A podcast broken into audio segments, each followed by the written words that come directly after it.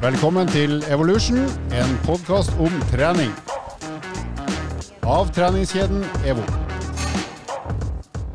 Hepp og hei, kjære lytter. Vi er nok en gang tilbake. Vi har forflytta oss til et mikroskopisk eh, studio på størrelse med et eh, handikaptoalett. Og litt dårlig luft er det òg, men eh, vi sitter delvis avkledd her, så det kommer til å gå bra.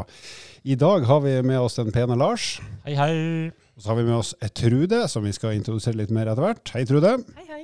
Så har vi også med Frida Rommen. Hei. Hallo, Frida. Og eh, før vi går i gang med temaet og introduserer gjestene litt mer etter hvert, så er det snart jul. I hvert fall ikke så kjempelenge til.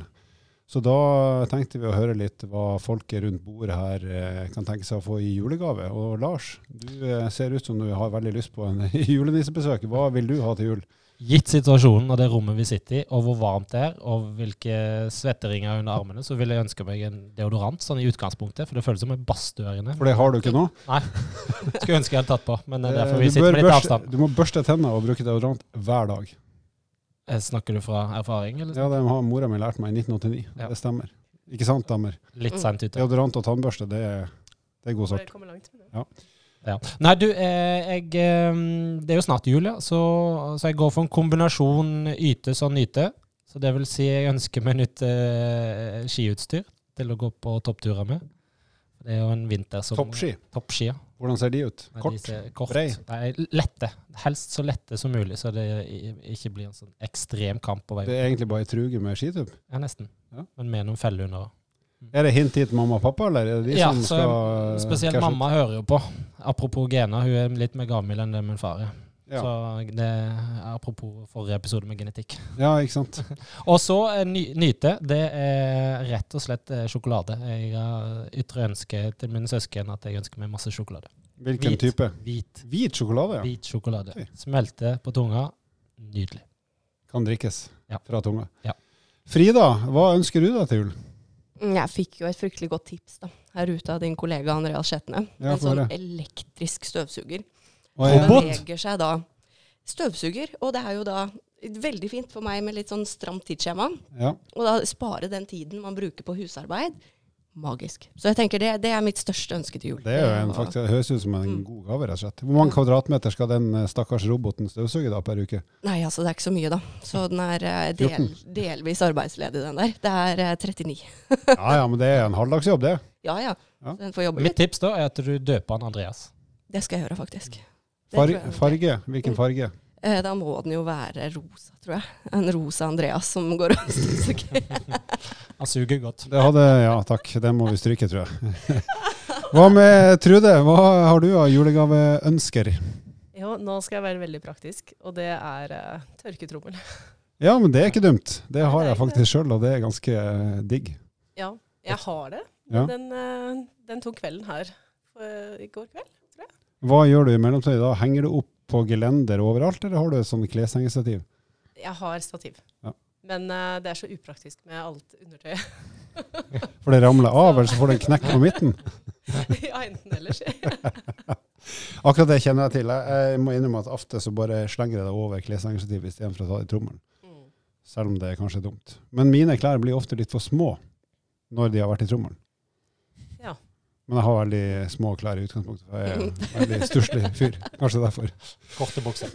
Ja, bra, da har vi overført det ønsket til hele det norske folk, så da er det bare å handle inn eh, en trommel fort som fy. I hvert fall før julaften til eh, Trune.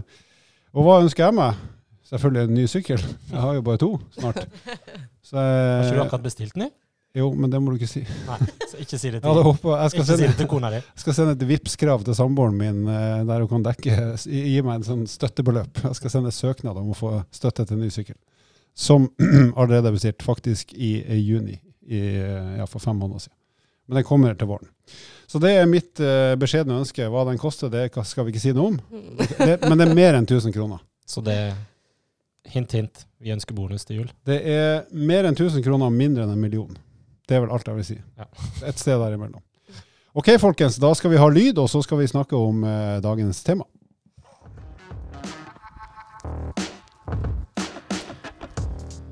Og da er det på tide å introdusere gjestene våre litt eh, bedre. Og da begynner vi med Trude, som vi egentlig allerede har møtt i en episode. Hun er 35 år, har ikke mindre enn tre barn, og hun jobber i barnehage. Såkalt barnehagetante, selv om det er upolitisk korrekt å si. Så derfor trekker jeg det tilbake igjen. Men det er hyggelig. Ja. Eh, du gjør en viktig jobb, og jeg har jo tre drittunger sjøl, så jeg vet akkurat hvor viktig gode barnehageansatte er. For det er det som gjør dagen bra eller dårlig. Eh, og du er jo med i et prosjekt som vi sånn kort fortalt kan si går ut på å komme i mye bedre form ganske fort. Og det er jo det vi skal snakke om i dag. Og nå skal vi snakke primært om kostholdsdelen av, den, eh, av det prosjektet. Og da har vi fått med oss ei som har kompetanse, i motsetning til Lars og meg, nemlig Frida Rommen, som eh, følger opp Trude på kost. Og du Frida, du er jo personlig trener, jobber på EVO i Lillestrøm. Ja, det stemmer. Ja. Lillestrøm det er det stedet utenfor Oslo som hadde et bra fotballag på 80-tallet, men som dessverre er nå på sjetteplass i Eliteserien. Og eh, du er 24 år og har eh, drevet med fitness på høyt nivå. Ja, Hvor god har du vært, eller hvor god er du? Nei, jeg vant en overall i Norge i 2019, og så har jeg deltatt i et EM. Men eh, det var egentlig hovedsakelig for å lære litt mer. Og få Siden jeg driver jo med dette her med ernæring på eh, Studerer dette, og eh, har lyst til å lære mer også i praksis, siden man lærer det jo i teorien. Hvordan kroppen responderer på vektreduksjon og kaloriunderskudd, vektoppgang i ettertid. Men det å kjenne det på kroppen gjør at man får en litt annen forståelse for da situasjonen klienter står i da, når de er i den prosessen. Fordi det er ganske mye som også ikke blir så veldig vektlagt i eh, faglitteraturen, som også er viktig å se nærmere på. Da. Så nå i ettertid så har jeg hjulpet andre med å gjøre det samme. Og syns egentlig det er ganske mye mer givende. Rett og slett å kunne hjelpe andre med å få til det samme, enn å måtte gå gjennom hele prosessen selv. Ja, For du har gjort det og prøvd det, så du vet hva det går ut på. Men eh, du, så du er jo egentlig coach for ganske mange andre òg, både på trening og kost, ikke sant? Ja, så jeg har jobba som personlig trener i EVO siden 2017. Og så har jeg begynt å jobbe da som online-coach. Jeg tror det var i 2018 at jeg begynte, og jobba med det der parallelt også. Så har jeg gjort de to tingene siden. Bra. Og da eh, tenker jeg, Lars, du som holder i trådene her eh, i prosjektet, kan du si litt eh, sånn kort til lytteren, hva er det som har foregått med Trude fram til nå, både på trening og kost, og så skal vi dreie det mot kost etter hvert. eh. Ja, det vi ønsker overordna med dette prosjektet, er jo å vise folk at det kan eh, Eller hvilke tilbud det finnes på ulike treningssenter, og eh, satt litt på spissen hvor lett det kan være å få resultat hvis man gjør det riktig og med god veiledning. Og her er det jo hånd i hånd, eh, trening og kosthold, som er som overordna. Og nå har vi satt av ti uker til dette prosjektet, her, eh, hvor vi skal prøve å få Trude i form. Og dere skal få følge hele den reisa her, og det har jo begynt veldig bra. Det skal du ha all skryt for. Og én ting er din innstilling til det, for det er jo ekstremt viktig at du eh, på en måte òg eier dette prosjektet. At det ikke er bare en trener som sier hva du skal gjøre, men du òg eh, innføre det i dine daglige gjøremål, og ikke minst ta det med deg inn i jobben som barnehage. Jeg setter tante, jeg, siden du òg eh, syns det er hyggelig. Eh, og barnehageansatte er jo en yrkesgruppe, for det kan, må vi òg si, som, som eh, har en ganske stor belastning, og som eh, lider av, jeg sier det, eh, ganske høy andel eh, sykemeldinger og fravær, jobbfravær, pga. belastninger og eh, i, i forhold til hvilke Drittunger de omgir seg med. Ja. Ref. Familien Leivstad. Ref mine egne Fullt forståelig. Ja, de vi har vært sjøl. Så, så vi ønsker nå med å bruke deg, og du er jo fantastisk som har takka ja til dette. her. Eh, så å vise at vi kan få noen resultat som du kan ta med deg tilbake igjen i hverdagen, og ikke minst sette yrkesgruppa på, som fokus. Så hvis du Trude, kan du si litt om kostholdet ditt fram til eh, du begynte i det prosjektet her? Hvordan så en normal dag ut for deg sånn matmessig, i grove trekk? I grove trekk så var det jo selvfølgelig eh, enten frokost og lunsj, da, og så middag hjemme. Og det er jo vanlig, jeg vil si vanlig husmannskost. Det kunne være pizza eller eh, biff eller spagetti. Har du hatt noen eh, hva skal vi si, uvaner eller ting du har spist som du har tenkt at det her er mer kosemat enn bra mat, eller har du på en måte hatt et såkalt godt kosthold sånn generelt? Hva tror du? Generelt så ville jeg kanskje tørre å påstå, før jeg har all etterkunnskap, Mhm. eh, at det var ganske greit eh, kosthold. Ikke veldig usunt kosthold. Mm. Vi var flinke til å spise rent kjøtt f.eks.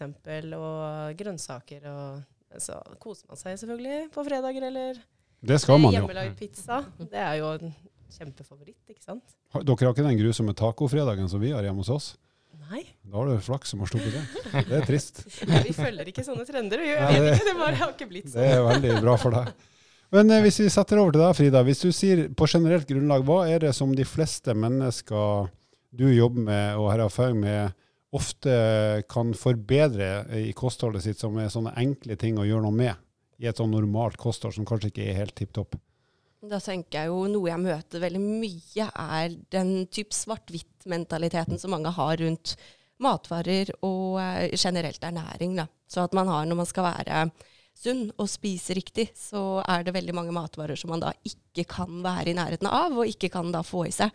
Så det har jo vært litt av fokusområdet for meg og Trude også, å unngå å prøve å komme unna den svart-hvitt-mentaliteten i forhold til mat. fordi det er ofte den som bidrar til at man kan få et litt anstrengt forhold til næringsinntak over tid. Da. Så vi har valgt å heller følge makroer, sånn at hun får tall på hvor mange gram karbohydrater, fett og protein hun skal ha i seg. Og så blir det at hun velger maten, og hun spiser jo, sånn som hun også sier, et ganske godt kosthold i utgangspunktet. Så det var jo ikke noen drastiske endringer vi trengte å gjøre med tanke på matvarevalg. Så det var bare mer å regulere mengden, sånn at hun spiser Majoriteten av det hun spiser er bra, og så har hun også en liten kvote til å kunne spise litt godteri eller ta seg en øl. Ja, for, for det som bør ligge til grunn her, var jo målsetning til Trude. Og det er jo i utgangspunktet ett av flere mål, men å ha en vektreduksjon. Eh, Det har vi vært åpne om, og det er på en måte en del av prosessen her, selvfølgelig. Og så skal vi òg øke eh, si, interessen for trening, og at vi får eh, fysisk aktivitet inn i hverdagen på en litt annen måte enn det å jobbe bare som barnehagetante. Men du har jo familie, som vi allerede har sagt. Og hvordan fungerer og Jeg antar nå at du og mannen din eh, lager maten til ungene, primært at de ungene ikke lager mat sjøl. Hvordan fungerer kosthold i din familie? For én ting er hva man liker sjøl og hva man spiser sjøl, og så har du jo en del andre deltakere i familien som også skal innta sannsynligvis de samme måltidene. Hvordan, fungerer, hvordan løser du det hjemme hos dere? Ja, nå er jeg så heldig at eh, to av barna er veldig glad i å lage mat. For de er både 13 og 16 år. Så der får jeg jo faktisk ganske god hjelp til å lage mat. Kult. Hva er det de lager da? Er det middag typisk? Veldig typisk middag. Og hva er det de liker å lage da?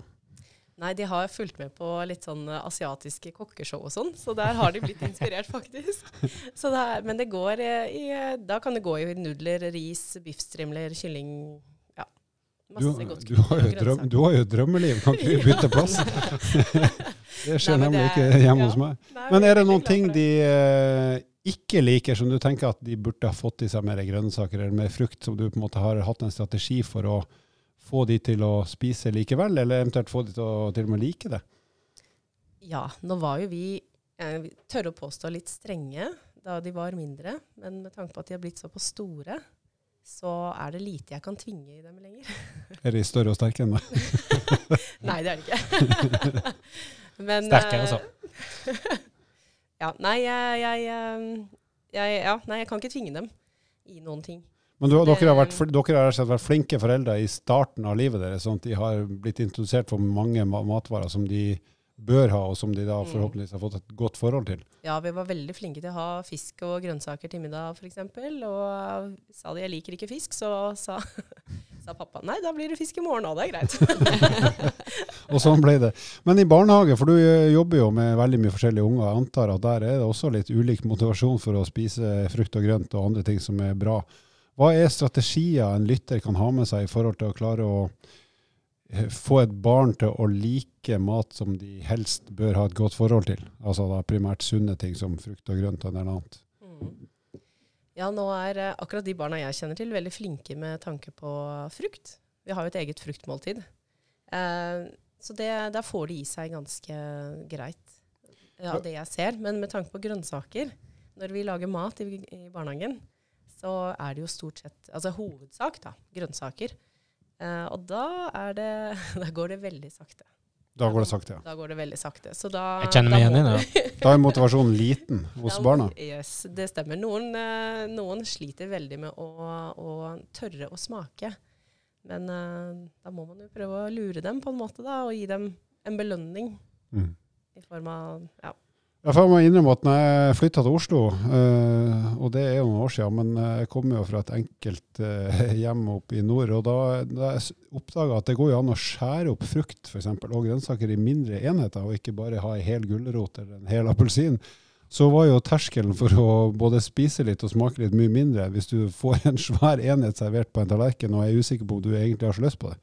Så det kan være et triks som kanskje de fleste vet om, da, men rett og slett uh, gi litt små smakebiter på ting som man skal prøve, istedenfor at man ender opp med hele tallerkenen full på første forsøk. Hvordan har dere jobba sammen? Altså Hvis du ikke kan si litt fra din side først, Frida. Hva har dere fokusert på nå i starten i forhold til målsetning om å, å gå ned litt i vekt? Da har vi jo, Hovedsakelig så er det jo den for å få til vektreduksjon. Så må man jo da ned og ligge i et kaloriunderskudd. Og det vil jo da si at man inntar mindre kalorier enn det man forbruker. Så vi har gjort det på to måter, og det er jo å begrense totalt næringsinntak. Og så har jo vi økt hverdagsaktiviteten, og så har hun i tillegg hatt treninger da med Lars. Som har gjort at totalaktiviteten har vært økt, og kaloriinntaket har vært redusert. Så det er jo egentlig ikke så mye vanskeligere enn det å få til vektreduksjon i seg selv. Den vanskeligste biten ligger jo i at kroppen har veldig mange sterke me mekanismer da, som har blitt utvikla over mange, mange, mange år med evolusjon, som gjør at kroppen ønsker å forsvare den fettmassen den har. Rett og slett fordi risikoen før var jo at man kunne dø av sult hvis man ikke hadde tilgang på næring. Og da blir det jo at kroppen over mange år med evolusjon har lært seg mekanismer for å spare på energi og forsvare fettmasse, som gjør at man har, møter på ofte ganske mange utfordringer på veien. Også i form av hvilke substrater som da kroppen velger å hente energien fra. Fordi når man er på underskudd, så henter jo kroppen energien da fra energilagrene sine, som da er enten fett eller karbohydrater som er da lagra i lever og muskulatur. Eller så er jo muskulaturen også et energisubstrat for kroppen. Så det ønsker vi jo ikke at den skal ta av i Trudes i tilfelle. Vi ønsker jo å bevare muskelmassen og øke den egentlig også parallelt. Og ønsker at kroppen skal da ta majoriteten av energien fra da fettvevenes. Så da har vi måttet koordinere litt med makroer, sånn at vi tilrettelegger for at kroppen skal da ta energien fra det, de områdene som vi ønsker. Men Trude, nå er det jo litt i energiunderskudd i forhold til det du har vært før. Hvordan er, hvordan er din opplevelse av energinivået ditt gjennom en dag nå, kontra for fire-fem uker siden? Jeg føler jeg har mer energi nå. Ja. ja. Jeg har fått igjen da, for den innsatsen jeg gjorde på trening. Så du, det, så du, har begynt å merke at form, fysisk form rett og slett eh, er bedre? Mm, absolutt. Og likevel, selv om Frida har redusert kaloriinntaket litt, kan du si litt hvor, hvor stor endring har, har, skjedd her? Sånn røftlig i forhold til før og nå? Ja, vi har jo et ønske om en vektreduksjon på 500 gram i uka. Så vi holder jo øye med en rekke variabler da, i et system som vi begge to har tilgang til. Så da følger vi med på vekt, som da fra dag til dag. Så for den så Man ser jo ofte når man veier seg ofte, at vekta den svinger ganske mye. Så vi bruker den hovedsakelig på å se etter trender over tid. Eh, ikke så mye dag-til-dag-variasjon, fordi det er ofte til dere lytterne også, så er det væskeretensjon, og det skyldes ofte at man har fått i seg et annet inntak av karbohydrater eller salt, eller noe som gjør at kroppen enten slipper litt væske eller binder noe mer væske, som gjør at da vekta svinger noe. Så det er ofte det folk opplever etter å ha vært på de spist en middag ute eller sånne type ting. Da. Så vi følger med på vekt og makroer. Og så har vi også fulgt med på aktivitet i form av hvor mange skritt Rude går hver dag. Og også hvor mange timer søvn hun får. Det er ofte en variabel som er ganske hardt undervurdert hos mange. At søvn er veldig viktig for at kroppen skal samarbeide sånn som vi vil. da. Så søvn har jo vært en liten utfordring på veien. Så vi driver og etablerer gode søvnvaner og sånn nå. Så vi er på veldig god vei, og nå er vi inne i en god flyt. Får du ikke lov å legge deg med skjerm lenger? Ta barna, men glemme seg sjøl. Men eh, hvor stort kaloriunderskudd per dag er det dere har lagt opp til, sånn cirka? Nå er det rett over en 500 kalorier underskudd, så det er et ganske mildt kaloriunderskudd. Så vi ønsker jo ikke, siden legger man seg på et veldig aggressivt kaloriunderskudd, så blir det jo at kroppen ofte adapterer, at den tilpasser seg enda fortere, og så skaper man da mye stress i systemet som gjør at det er utfordrende å få vektreduksjon over lang tid. Og det er jo det som er ønskelig, og vi ønsker jo også å holde vekta nede når Trude har gått ned. Og da er det en bedre strategi å heller ta, spise elefanten i litt mindre biter, istedenfor å skulle gape over for mye av gangen. da. Mm.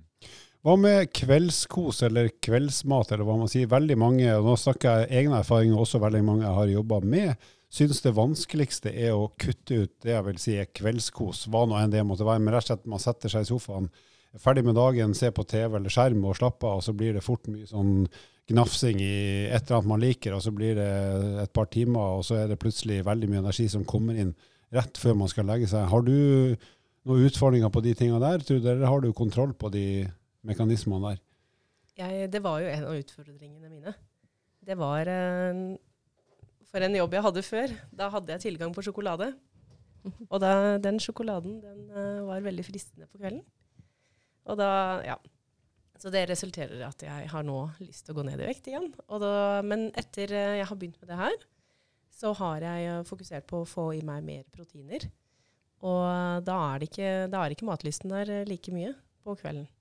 Når jeg er mett Jeg kan jo ta, ta en, faktisk en story på det. For jeg, jeg og um, Trude trente i går, snikskryt. Vi løp intervaller i går kveld på, på et av Vevo-sentrene våre. Og eh, det du drar fram fra veska etterpå med litt sånn småting Det var ikke så mye kanskje ren protein, men bare at du har tilgjengelig det lille du har i forhold til å fylle på etter økta, og for så vidt i forkant. Der det var både dadler eh, med litt lakrismak, eh, som sikkert Veldig god, altså. Ja, så- ja. Og så var det tørka mango, som Mm. gir et eh, bra med energi sånn i forkant av økten, og eventuelt noe som du kan spise mellom økt eller mellom, som mellommåltid, er det vel sånn fint heter, ikke det? Mm. Men jeg Trude, når er det du da normalt sett på en hverdag spiser siste måltid? Er det klokka seks eller åtte eller ni eller ti, eller hva er liksom limiten din? det spørs jo når jeg trener, selvfølgelig. Men jeg må jo ha i noe etter trening. Så da blir jo kanskje siste måltidet på kvelden eh, ni, ti, halv elleve, hvis jeg ikke har klart å få det til før. Og det er jo egentlig litt for sent i forhold til hva jeg ønsker, men eh, noe må jo komme inn etter trening. Det er jo der vi også har den fordelen at hun følger makroer istedenfor en satt plan. Fordi med barn og hverdag og alt som skjer, så er det jo ofte ikke lett å holde den eh, faste måltidsrytmen alltid. Man ønsker jo det i en optimal verden, men det er ikke alltid det går i praksis. Og da er det greit å ha muligheten sånn når du vet at det blir mye på kvelden som krever at du har energi. Så kan du spise, ha litt lavere inntak på formiddagen, og så har du mer energi og næringsinntak da når du trenger det mer. Og hvis det er mer på formiddagen, så kan du flytte næringen litt dit. Sånn at man har mulighet til å tilpasse etter fra dag til dag. da. Men det du beskriver nå, Frida, er jo egentlig, og det har du sagt litt om i sted òg, det er jo at du har laga et ganske fleksibelt system som egentlig forteller og Trude hva hun skal ha per dag, og som hun tilpasser litt ut fra hvordan dagen ser ut når hun egentlig inntar måltidene som skal til for at hun får den mengden energi hun trenger. Stemmer ikke det?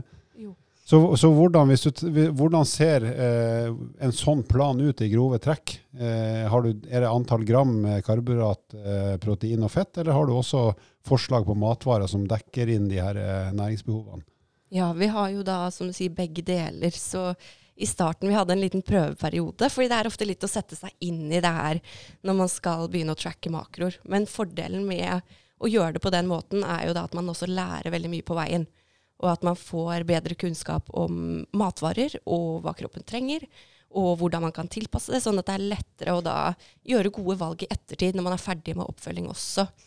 Så eh, I starten så var det jo utfordrende å treffe disse tallene. Fordi man prøver seg litt fram, og så ser man at oi, her var det litt for mye av det. Og så går det ikke helt veien til å starte med. Og så har vi hatt en plan da parallelt hvor hun har da Jeg har satt opp matvarer til henne som eh, representerer da en dag med næringsinntak der hun treffer tallene sine. Og så har hun fulgt de litt de dagene hvor eh, hun ikke har hatt tid til å tracke så mye. Og så har hun prøvd seg litt fram med tracking underveis, og nå er hun veldig stødig. Så nå har vi drevet på i da fire uker med denne trackingen, og nå begynner det å komme veldig godt på plass. Hvordan syns du sjøl den der overgangen, altså etter første møte med Frida, der du får en kostplan og som er en slags makrobasert eh, plan, hvordan har du tilegna deg den kunnskapen som gjør at du etter x antall dager vet at nå, nå har du kontroll? Nå kan du bruke den på din måte i ditt liv. Hvordan har du lært deg det? Nei, nå har jo Kan jeg, kan jeg si det? Vi bruker Lifesum. Ja, ja, ja. Mm. Si hva du vil. Ja, Ja. kjempebra. Hashtag Det kommer bare sånn pip hvis vi må eh, ta det bort. Nei, men hun, eh, så jeg lastet ned den. Og eh, da kan jeg skanne eller søke opp matvarer. Og hvis jeg er hjemmelaget, ikke sant, så kan man jo Godt tips. Det er veldig Ja, du har QR-kode på hjemmelaga mat òg, har du ikke? Nei da. I wish. Det hadde gjort det mye enklere. Men eh, ja, det, det hjelper veldig. For det, der kommer jo alle næringsinnhold opp. ikke sant? Så da, da det gjør det mye lettere for meg å kunne vite hva, hva jeg kan spise, og hva jeg ikke kan spise. eh, for å fylle dagen, da, og ikke gå over. Spiser du mer eller mindre enn det du gjorde før? da varierer det litt grann også. Ja. Men eh, jeg må innrømme at det er vanskelig å noen ganger eh, nå disse tallene som Frida har satt opp. Så det er vanskelig egentlig å spise nok. Det er det. I Mm. hvert fall proteindelen. Vi så jo i starten at Trude hadde et eh, Det er veldig veldig vanlig. Så å si alle jeg begynner med denne, dette systemet med, de har, ser da at de har ganske høyt fettinntak. Eh, mye høyere enn man ofte er bevisst på. Og fett er jo den mest energitette næringsstoffet vi har. Så med en gang vi da bytter litt av kaloriene fra fett til da protein og karb, så vil jo volumet av maten man spiser bli mye høyere. Så da får man mer metthet, og også da med mer karbohydrater så får man da også mer fiber, som fyller opp tarmen mer, og man kjenner ikke på at man går og er like sulten som man ofte kan gjøre hvis man har høyere fettinntak i dietten sin. Så er det litt vanskelig. Men hvis du, nå har du jo lært masse om matvarer og hva de faktisk inneholder. Er det, er det noen ting som har overrasket deg underveis, som tenker at oi, det, var, det visste jeg ikke om den eller den matvaren, som du har på en måte blitt positivt eller negativt overraska over etter hvert som du har lært mer om maten? Nei, nå jeg, Ja, for jeg kan si eh, fra mitt eget liv, når jeg begynte å lære litt mer om kost, så ble jeg veldig overraska over pasta. At det faktisk har ganske mye protein. For jeg har alltid bare tenkt på at det er jo bare karbohydrater, og ferdig med det. Så, det men, og mel, er det ikke ikke, det? ikke sant? Det er akkurat det, men det er sånt som en tulling som jeg ikke har visst før jeg liksom begynte å gå litt nærmere inn i det. Så det har vært en sånn, kall det en øyeåpner på en matvare som har mye mer ved seg enn bare det man i hvert fall har trodd. da. Jeg kan jo si eh, en erfaring jeg gjorde her om dagen, faktisk. Og det var eh, Jeg hadde nærmet meg Eller jeg var kanskje halvveis opp til uh, fettinntaket jeg skulle ha den dagen. Og så sto jeg og stekte noe mat, og da stekte jeg uh, sprøstekte jeg bacon. Det er godt, det. Kjempegodt. Det er godt, det. Det er farlig godt. Uff, ja. Og sto og småknasket da, ikke sant. så jeg gjorde ferdig maten. Og eh, da poff, så var det dobbelt inntak av fett. Ja. Ikke sant? Og det var kanskje to bacon. Ja, for det er, vanlig bacon har veldig mye fett i seg. Mm. Metafett òg. Så det er vel det uheldige fettet. Er det ikke det, Frida? Jo, dessverre. Men det er jo veldig godt. Det er veldig godt. Veldig godt og ikke så veldig sunt. Det er en egen bok jeg hjemme om bare bacon. Ja, bacon. Der har jeg et tips. da. Hvis du bruker sånn spekeskinke som bacon, Mm. så er det både Ja. salt og litt tynnere og mye renere kjøtt. Og utrolig godt både speilegg og i seg sjøl til å bare gnafse. Og dette vi levde på på Lillehammer. eh, Korrekt. Vi hadde vel fire kvelder på rad der med Gikk 300 gram med spekeskinke. Hver kveld. Full pakke. Hel pakke. Eh, litt mer praktisk, eh, da snakker jeg til deg først og fremst nå, Frida. Er det noen matvarer du tenker at de fleste av oss kan ha godt av å vurdere hvor mye vi skal ha spise av, eventuelt om vi skal erstatte enkeltmatvarer med andre som kanskje er bedre eller sunnere alternativ? Altså typisk sånne næringsbomber som man kanskje ikke er klar over. Ja, man har jo mange av de, og det typiske er jo at de matvarene som har en høy andel med fett, de har også mye kalorier. Så det er jo typisk matvarer som er veldig sunne, som nøtter og avokado f.eks., som er veldig sunne og næringsrike matvarer, men som allikevel har et veldig høyt energiinnhold. Så hvis ønsket er vektreduksjon, og så se på fettinnholdet i matvarer som gjør at man kan da eventuelt begrense inntak av de, for å da kunne heller spise mer volum, og fylle på med matvarer som har mer fiber og den type ting. Da. Eller bacon. Eller bacon. Dessverre. Ja, det er egentlig det du hinter etter? Ja, men det, men det her er viktig, folkens. For det er, det er ikke sant, så umetta fett er helt supert, det, men du kan ikke innta ubegrensa mengder av det, selv om det er sunt til et visst punkt. Ja, så er det også viktig det å eh, presisere at når man følger makroer, så kan det jo nesten virke som at om man henter fettinntaket sitt fra bacon eller fra avokado, det spiller ingen rolle. Men det er jo ikke sånn det er i realiteten. Så også hvis man går inn for å skulle følge makroer for vektreduksjon, og så se på eh, kostanbefalingene fra Helsedirektoratet, og passe på at man gjør da matvarevalg i tråd med de. Sånn at man også ivaretar helse på veien. Men da kan vi spørre deg, Trude. Hva, er det, hva, hva slags mat liker du aller best når du skal ko virkelig kose deg? Hva er det du setter mest pris på, enten å ha laga sjøl eller få servert? En god, sagt- en god middag. Ja, og, Men hva er det? Ja, ja. Altså, nå er jeg veldig glad i kylling, Ja. men en uh, god biff den, eh, Det er lite som slår en god biff, faktisk. Nå treffer du meg, Lars, veldig godt, for det er, altså, det er så godt det at man Ja. blir nesten litt rørt, ja, ja. faktisk. Men det er veldig godt. Og så en sånn liten sidedish til den. Det er jo stekt eh, sjampinjong eller aromasopp med salt og pepper og fløte. Gode saker. Hva med deg da, Frida? Når du virkelig skal kose deg og bare tenke at nå skal jeg ha god mat som har utrolig god smak, hva er det du ender opp med da? Oi, den var vanskelig. Jeg, jeg er jo en matelsker eh, på høyt nivå, så jeg, kunne jeg spist kontinuerlig døgnet rundt, så hadde jeg jo gjort det. Men uh, der tror jeg kanskje jeg må gå for biff, jeg også, faktisk. Eller sushi. Det er også en sånn sikker vinner for meg.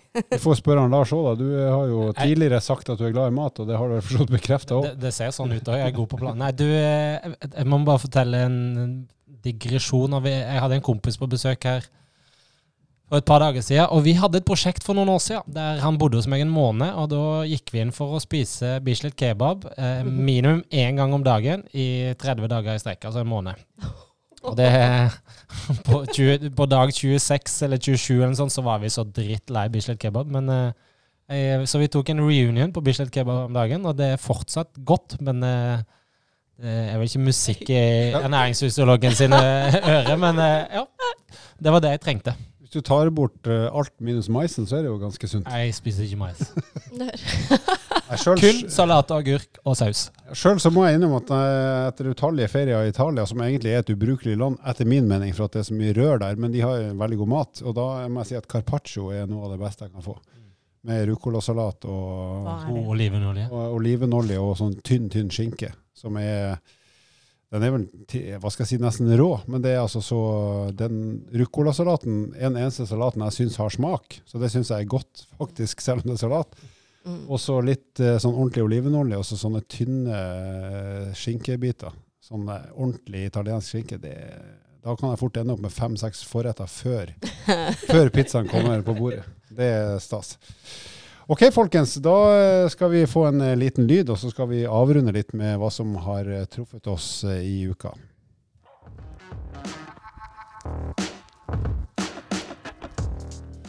Ja, Lars. Det har jo gått noen dager siden forrige episode. og Har du noen ting du har festa deg ved i nyhetsbildet eller idrettssportsbildet siden sist? Du, jeg har én mann som er ekstremt imponerende, og det er Spiderman. Og Spiderman han fins i Moss. Han sykler rundt i Moss sentrum. Jeg, jeg la merke til han faktisk, jeg tror det var i fjor i et eller annet nyhetsbilde. Eller eh, jeg husker ikke sammenheng. Vi har jo et EVO-senter Det er altså. Edderkoppen på norsk, for de som ikke kan svensk. Yes. Og han sykler rundt på en eh, ganske kvass sykkel, ikke en sykkel i Halvor-style. er... Det er ikke elgir på den sykkelen. Nei, og det har du bestilt på de nye. Men han sykler rundt i, i um, uniform med maske, så du ser ikke hvem det er. Det er ingen som vet hvem han er per definisjon. Han har gjort det nå i nesten to år. Til og fra jobb, til og fra trening, og i, i mange ulike øyemed. Og det, han hyller jeg. Det er en sann legende, selv om han sykler på fortauet nå. Kanskje han rett og slett er en vokter av Moss? Kan han passe på at gatene er trygge? I mangel av lokalt politi? Jeg vet ikke. Jeg må jo si at jeg har jo eh, bitt meg merke i en TV-serie som heter Fan av Flint, som er laga av Morten Ramm. Som er en morsom fyr uansett hva han driver med, men den handler jo da om fotballaget Flint, som spiller i tredje eller fjerde divisjon, med Jon Arne Riise som trener. Og jeg må si at eh, eh, Jon Arne Riise har en uh, utrolig imponerende karriere som spiller, men jeg tror at den trenerkarrieren hans uh, ikke kommer til å ta av uh, etter å ha blitt uh, avfilma i Flint nå i noen måneder, for det er tynn suppe. Altså det han serverer til spillerne av taktikk og input der, det er, det er så flaut at det er morsomt å se på. Du ler ikke med han, men av han. Eller utelukkende av han. Men han har vært en imponerende fotballspiller, det skal han ha. Vi rykka ned nå, faktisk. Ja, det gjorde det. Og det, var, det blir jo siste episode som kommer i neste uke. Jeg kommer aldri til å få en jobb i norsk toppfotball. Jo, da må jeg få ta noen steg. Mm. Ganske høye, lange steg. Jeg tror jeg og du ender opp i eh, toppserieklubb før han. Per sånn som det ser ut nå. Jeg er god, en strateg. Jeg er god på å planlegge. Og jeg er god til å snakke om det som ikke blir gjort. Òg, for så vidt. God på ernæring her.